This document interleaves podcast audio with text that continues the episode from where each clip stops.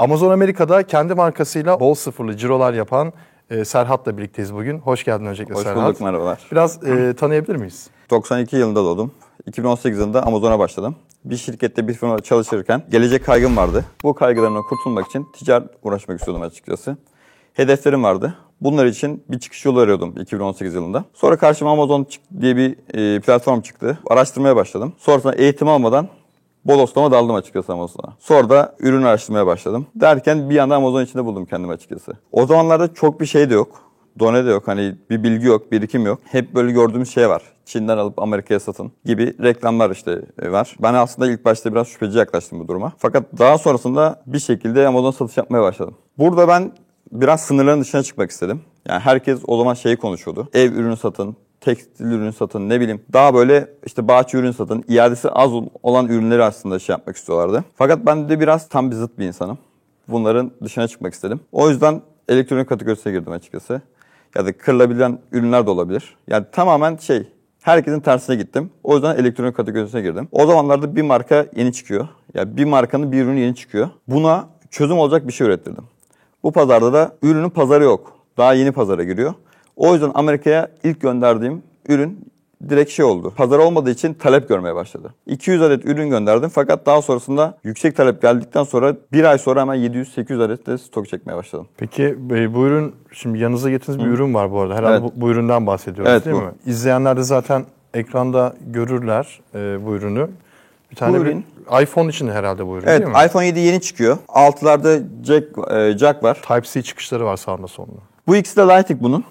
Lightning yeni çıkıyor. İşte şarjla kulaklığı aynı yere koyuyor iPhone. Fakat müşteri buna alışık değil. Alışık olmadığı için adam e, şarj ederken oyun oynayamıyor mesela. Müzik dinleyemiyor.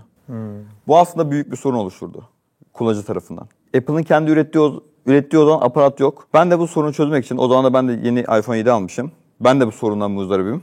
Bu sorunu çözmek için böyle bir aparat araştırmaya başladım. Sonra Amazon pazarından 2-3 ya da en fazla 5 satıcı gördüm. Ama talep de var. Çin'de araştırmaya başladım. Yaklaşık 2.15 dolara bunu mal ettim. E, hazır bir ürün müydü bu Çin'de yoksa siz mi yaptırdınız? Çin'de? Hazır bir üründü bu. Ee, ben Türkiye ürünü getirttirdim, baktım. Sonra üstüne kendi markasına bastım. Yanına bir de bunun ben şey koydum. Telefon arkası tutulacak bu parmağınızı geçirebileceğiniz işte tutamaç koydum. Gönderdikten sonra güzel bir talep oluşturdu aslında bu ürün. Daha sonrasında da baktım ki Amazon bana şey yapıyor. Tekrar stok göndermemi gö- istiyor. Kar marjı nasıldı? Ortalama 4-5 dolar Amazon kesisi %20 Akos oranıyla ortalama 7,5 dolar civarındaydı. Karlılık 7,5 dolar. Evet. Çok iyi. Çok iyi. Ya 1'e 3 civarında bir şeydi bu. Daha sonrasında ben fiyatı ürün azalmaya başladı. 14-15 dolara çektim. 15.99'dan da satıldığını biliyorum ben bu ürünün. Yaklaşık bir buçuk ay sonra falan 700-750 adet aylık satış bandına ulaştım ben bu rakamda. Hatta burada bir görsel daha var.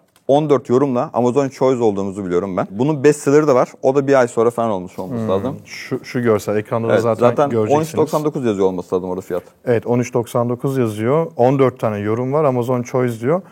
iPhone 8 Plus Evet. kelimesi bir de devam var. Evet. Okuyamıyorum devamını. Aksesuardır büyük ihtimal ya da e, Çağ diye adapte edilir. Charger herhalde. Evet olabilir. Daha sonrasında ben bu ürünün yanına bir tane daha ürün koyuyorum. Bunun 3.5 milim jacklısını koyuyorum. İki tane varyasyon yapıyorum. Ve bu liste aylık 1000 civarında, 1500 civarında bir satış ulaşıyor. Buyback sorunları olmaya başladı üründe.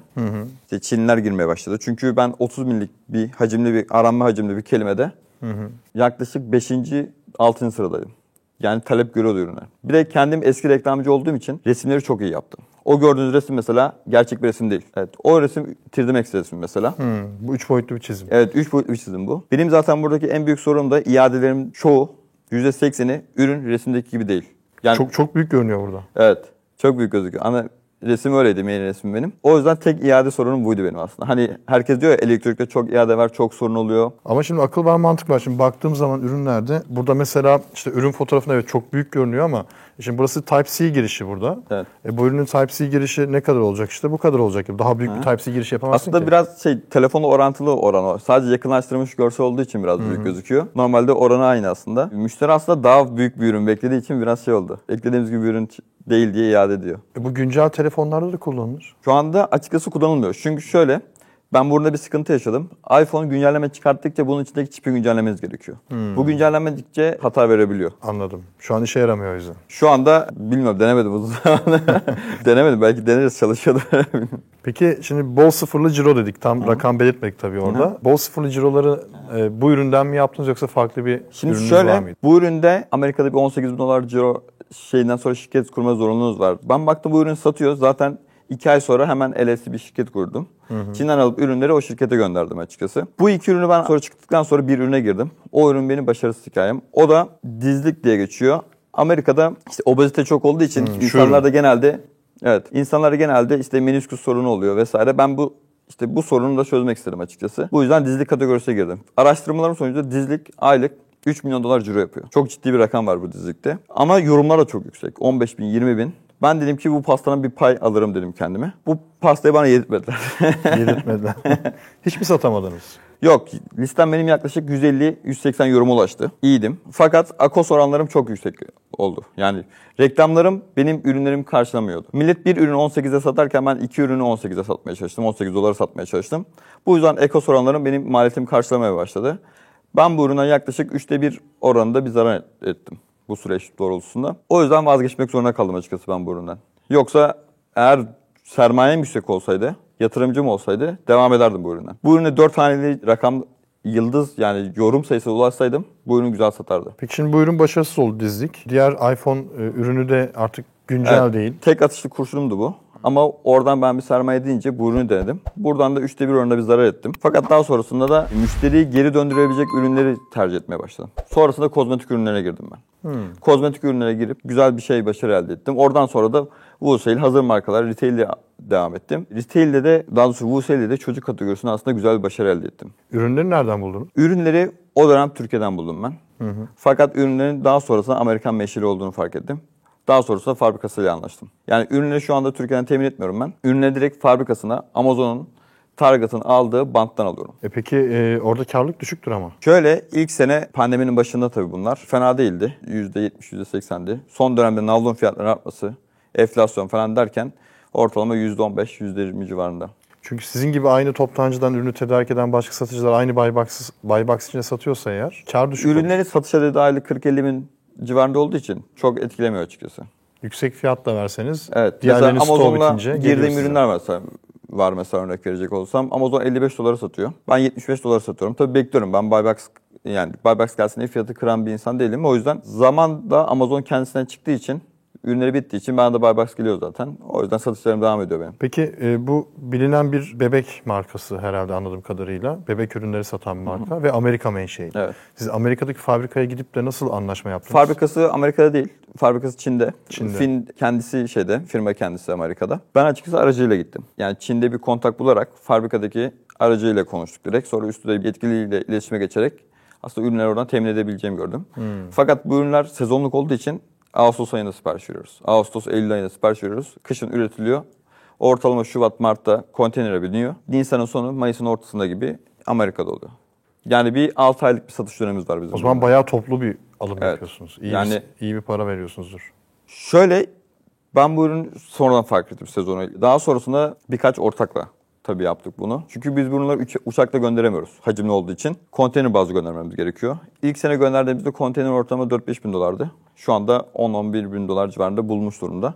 O yüzden ürün maliyetinden çok aslında bizim şey maliyetimiz var. Bir bedelimiz var. Biz bunu ortakla yapıyoruz mecburen.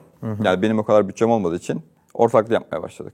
Şirketiniz Amerika'da. Tüm Evet. operasyon onun üzerinden dönüyor. Evet. Şimdi Türkiye'den gönderdiğim ürünler de var benim. Türkiye'de de şirketim var. Türkiye'den de ürün gönderirken işte ihracat, numune ya da ETG olarak çıktığım ürünler var.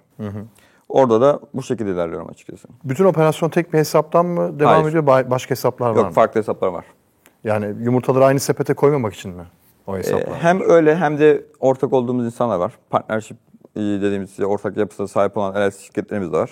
Onlar da öyle ilerliyor. Yani tek bir hesapta yokum. 3-4 tane hesabımız var. O şekilde ilerliyor bizde. Anladığım kadarıyla şu an kazandığınız o bol sıfırlı ciroların kaynağı arbitraj daha yoğun geliyor. Doğru mu? Ee, bu Wusail markasında yani Wusail modelinde daha çok var evet. Evet. Peki burada Amazon'da bir sorun yaşıyor musunuz? Amazon size hiç e, Evet. bir sözleşme, fatura sürekli istiyor mu? Yaşadım ben bunda. Bir sorun yaşıyoruz. Şöyle bir şey yaşadık. Sertifika sorunları yaşıyoruz bazen. Ama gerçi e, fabrikayla anlaştığım için, tedarikçiyle anlaş- anlaştığım için herhangi bir sıkıntı yaşamıyorum. Yani belgeleri verdikten sonra doğruluyorlar zaten. Bu konuda bir sıkıntı yaşıyoruz. Fatura konusunda bir sıkıntı yaşamıyoruz çünkü yetki belgem de var benim. LS üstüne. Bunlara sorduğumda direkt approve ediyorlar benim listelerimi. Bir sıkıntı güvenlik sertifikası olabiliyor. Çünkü çocuk ürünleri olduğu için e, Test raporları ve Test CP, raporları evet. CPC raporları Evet. yanlış hatırlamıyorum. Onları çok istiyor Amazon. Evet istiyor ve bu CPC raporlarının güncel olması gerekiyor. Evet. Bir de her kategori yani ürün bazlı isteyebiliyor bazen CPC raporlarını. Alt kategori olduğunda kabul etmeyebiliyor. Yani o raporun içinde alt kategori ürünün de geçmesi gerekiyor. Çünkü burada bir sıkıntı yaşadığımız için çok iyi biliyorum bu konuyu. O konuda yani dikkat etmeye gerekiyor aslında çocuk kategorisi. Güzel bir kategori. Evet. Fakat sertifikaları her şey tamsa güzel bir kategori. Çocuk kategorisinde bir de şöyle bir şey oluyor. Bir çocuk e, ürünü satıyorsanız sizden sertifika istedi, onayladı. Tamam daha hiçbir şey istemez benden diyorsun. Yok. 3 ay sonra bir daha aynı sertifika istiyor günceline. Evet. Sıkıntı o sürekli güncel bir şey istiyor. Yani Sürekli. bir problem çıkıyor. Ö- özellikle voice customer veren müşterilerden sonra bir sıkıntı yaratabiliyor. Mesela bir arkadaşımda şu anda UL sertifikası sorunu çıktı. Yani ürün satmaya başladıktan sonra kalite kontrol sertifikası istedi. UL sertifikası sorun oldu ve listeyi kapattı. Tabii sertifikalar olduğu için herhangi bir sıkıntı olmuyor. Peki en başta demiştiniz ya hiç ben e, e-ticaretle alakam yoktu, eğitim de almadık. Böyle Evet. balıklama atladık, satışa başladık dediniz. Sonra tabii sonra e, başınıza neler geldi? İşte bebek ürünleri satarken sertifikalar, onlar bunlar Benim bu vesaire. üründe de sıkıntım geldi. E, bu ürünlerde FDA belgesi istedi mesela listem kapandı. tabii. E, bunları peki hep de- e, deneyimleyerek mi başınıza geldi Evet, yoksa? hep deneyimleyerek mı?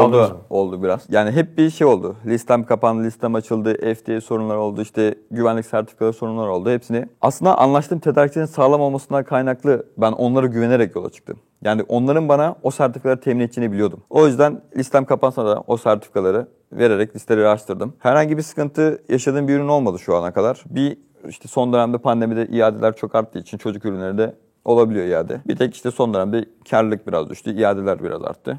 O da her satıcının başına geliyor zaten şu Tabii an. onlar standart. E, benim bu konuda bir önerim olabilir. Hani izleyenler hiç bilmeyenler için e, faydalı olur. Bir ürün satmadan önce o kategoride Amazon hangi belgeleri ister? Evet. Üretici bu belgeleri temin edebilir mi? Bunları araştırmak gerekiyor. Ama onun öncesinde bir birisinden danışmanlık alabiliyorsunuz. Mesela Evet. Fiverr diye bir platform var. Bilmeyenler zaten linki görürler fiverr.com. Oraya girdiğinizde mesela çok basit. Mesela bebek ürünü satacaksınız. Amazon'da satacaksınız. Arama bölümüne, search bölümüne e, baby Amazon yazdığın zaman birçok böyle freelance hizmet veren kişilerin o kategoride Amazon'un ne istediğini, ne, hangi gereklilikleri olduğunu e, işte diyor ki mesela ben 20 dolar karşılığında sana atıyorum bebek bornozları ile ilgili Amazon hangi sertifikaları isteyeceğini sana liste olarak dökerim. E, üret- Evet. Sana bu konuda danışmanlık veririm diyor. İşte 2 saat danışmanlık veririm diyor mesela. 20 dolar 50 dolar para istiyor. O kadar kıymetli ki bu. Evet. Sonra sen o bilgileri alıyorsun, öğreniyorsun başa neler geleceğini. Daha hiç ürün almamışsın, daha hiç o topa girmemişsin. Hemen Ali, Ali Baba'da üreticiye gittin, kapısını çaldın. Bana bunları verebiliyor musun bu ürünü verirken? Üretici diyor ki yok ben bunu veremem. O zaman pas. Diğer Evet. üreticiye git. Üretici çeşitliliği çok. İlla ki denk geliyor. Birisi hepsini verebiliyor. Evet evet Alibaba'da bir de şununla karşılaşıyoruz. Aracı firma çok. Evet. Yani üreticiymiş gibi kendini tanıtıp Tabii. fabrikadan alıp daha sonra size ürün temin ediyor ve belge sağlayamıyor doğal olarak. Ali Baba'da dropshipping yapıyorlar işte. Evet. Aynı şey. Yani o da var. Ben dropship konusunda hiç bilmiyorum açıkçası. O Ya drop dediğim hani siz mesela üreti, üretim yapıyorsunuz, ayakkabı üretiyorsunuz, fabrikanız var. Ee, ben oraya giriyorum, sizin üretim yaptığınız fab- e, fabrikanın fotoğraflarını, ürünün kendisini koyup Alibaba'da diyorum ki biz sizin için üretiyoruz. İşte 10 bin adet alırsan fiyat bu, 5 bin adet alırsan fiyat bu deyip liste açıyorum. Ee, biri gelip benden sipariş verirse ben bunu ürettirmek istiyorum diyorsa ben senin kapını çalıyorum. Böyle bir iş var kaça yaparsın? Diyorsun ki 10 bine yaparım. Ben gidiyorum oraya 12 bin dolara satıyorum. Ee, o zaman ne oluyor? Sen üreticiyle direkt iletişim kuramıyorsun. Aracıyla yani drop shipping diyoruz ona. Drop yapanla iletişim kuruyorsun. Al başına belayı. Uğraş sonra. Yani ben dropship yapmadım. Biraz aslında yani karşıyım. Toplu göndermek benim için daha avantajlı olur. Çünkü tek tek uğraşmak yerine biraz toplu gönderip daha farklı şeyler Yo uğraşmak. bu bahsettiğim üreticinin dropshippingçisi. Hmm. Üret, yani üreticiyim diye çıkıyor karşına ama üretici değil. Başkasından ürettirip Yani sana işte veriyor malı. Alibaba çok tehlikeli yer var. Yer işte sol tarafta ya trade assurance falan seçmeniz lazım milletin. Yani insanların buna dikkat etmesi gerekiyor aslında. Ya o da çok faydalı değil ya. Şimdi mesela gold supplier olmak için para veriyorsun Ali Baba'ya. Para verdikten sonra herkese o etiketi veriyorlar sonuçta. Ee, Biz ona şey mi olsak, dropshipping tedarikçisi mi olsa? Yok orada önerim şu benim. Mutlaka bir deneyim gerekiyor tabii. Deneyimlemek gerekiyor. Ama öncesinde hani varsa imkan önce yani bu işin sıralaması şu olmalı bence. Hiç sıfırdan bir ürün ürettirecek olan bir kişi. Ben bunu çok denedim, yaşadım. Hemen hemen her kategoride gıda dahil, kozmetik dahil her kategoride bir şeyler başıma geldi, yaşadım. Önce gideceksin. İşte Fiverr örneği verdik ki başka bir yerde olabilir. Bu platformda Birini bulacaksın. E, o kategoride ne gerektiğini sana söyleyecek olan birisini bulacaksın.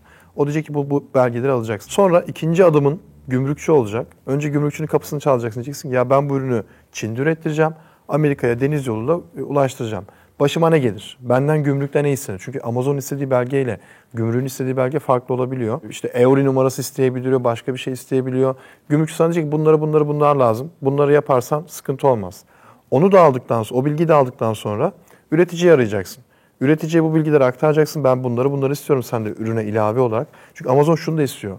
Bebek ürünlerinde özellikle diyor ki bana diyor ürünün foto, dışarıdan fotoğrafını böyle çek. Ürünün üzerinde warning dediği o uyarı etiketlerinin yapışık olmasını istiyor. Evet bizim ürünlerde var o. Mesela. Şimdi bunu bilmeyen, private label yap- yapacağım deyip heyecanlanan Ali Baba'ya hemen atlayan bir kişi bunları bilmediği için 1-0 geride Ürünün başlıyor. kutusunda da istiyor mesela onları. Evet. Yani FDA belgesi varsa FDA logosunu istiyor ya da C varsa istiyor. Kutu da aslında önemli. Bunları koymayanlar da var. Sonradan Amazon deposunda bazen denetlemeye takılanlar var mesela. Kutuda bu etiket yok diye dışarı çıkartılıp tekrar içeri sokulan ürünler de oluyor. Tabii tabii. Ya o konuda gerçekten o dikkat etmesi gereken bir nokta orası da. Ama ben aslında biraz da şunun taraftarıyım. Türkiye'de de gerçekten şu anda ger- üretim açısından güzel fırsatlar var. Yani sadece Alibaba, Çin değil, Türkiye'den, Türkiye'den de güzel ürünler çıkıyor aslında. Yani kesinlikle Türkiye zaten ben üretim konusunda destekliyorum. Hemen hemen her ürünü üretebiliyorlar. Bebek ürünleri, mesela bebek bezi üreticisi bile ben buldum Türkiye'de. Bebek Var. bezini üretiyor. Yani şöyle mesela örnek vereceğim ütü masası. Ütü masasında ilk 20 satıcıya bakın. 15'i Ama- Amazon. Nereden gidiyor? Türkiye'den gidiyor. Evet. Çoğu vendor Amazon'da zaten. Yani aslında Türkiye bir ür- üretim konusunda bir cennet oldu. Son 2 senedir, 3 senedir üretim maliyetleri düştüğü için tabii. Ben de son dönemde işte üret, Türkiye'den de ürün göndermeye başladım. Yani şimdi önümüzdeki aylarda Türkiye'de bir cam kategorisine girmeyi düşünüyorum açıkçası. Güzel üretim var çünkü burada. Operasyonları aslında buraya kaydırmayı düşünüyorum. Sadece birkaç markam tabii Çin'de duracak. Üretim yeri or- orası. Ve bütün belgeleri temin ettikleri için onları Türkiye'den temin edebil- edemiyorum. Yani ilerleyen zamanlarda Türkiye'den aslında biraz daha üretime ağırlık vereceğim. Peki çok değerli bilgiler verdik, çok güzel bilgiler verdik ama genel olarak başka e, yeni başlayan satıcılara, bu işi araştıran kişilere bir tavsiyeniz olur mu? Yani sermayeye bağlı. Aslında çok fazla sermayesi yoksa private label yerine Türkiye'den ürün gönderip retail ile başlayabilirler. Retail arbitrajda. Daha sonrasında wholesale'e geçebilirler. Sonrasında private'e geçebilirler. Çünkü private bu işin en üst leveli. Tek atımlı kurşunlar olabilir. O Ne yüzden... kadar sermaye gerekiyor private label için? Ya şimdi örnek vermek gerekirse ben şöyle ilerliyorum. Bestseller olan ürünün aylık satış rakamının %10'u %20'si kadar ürün ürettirip gönderiyorum. Yani 10 bin adette satış rakamında 2000-3000 adet ürün gönderip öyle başlıyorum. Bu da örnek vermek gerekirse 2 dolar bir maliyetim olsa 4000 dolarlık bir üretim maliyeti yapar.